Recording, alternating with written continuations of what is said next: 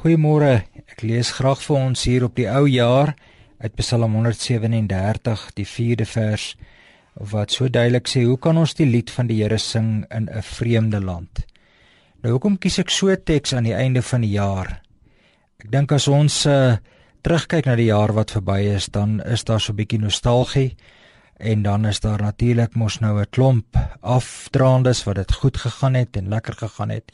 Maar dan is daar ook 'n klomp opdraandes, 'n klomp drywe waardeur ons beweeg het in hierdie jaar. En 'n mens het meer as een keer gevoel dat uh jy uh um in 'n vreemde land is. Uh, hoe kan jy aanhou sing as dit met jou sleg gaan? Want buiten dat die Israeliete in hierdie Psalm um op 'n plek is waar dit 'n vreemde land is, is dit ook 'n vreemde kultuur, vreemde omstandighede en hulle weet nie wat die toekoms is nie.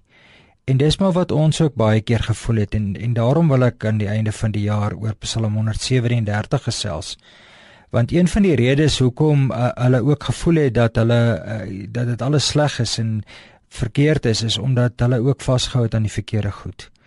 Vir die Israeliete was dit verskriklik belangrik om aan die tempel vas te hou, aan Jerusalem soos daar in vers 5 staan, maar ook aan die koning. En hierdie drie goed, al drie hierdie pilare van hulle, die Jerusalem, die tempel en die koning is van hulle weggevat.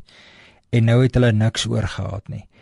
En en partykeer gebeur dit ook mos maar en dit het dalk in hierdie jaar met jou gebeur dat jou steenpilare weggevat is dat iemand uh, naby aan jou dalk aan die dood afgestaan is, dat jy uh, nie die pos gekry het wat jy gehoop het of jy kontrak gekry het wat jy gehoop het nie.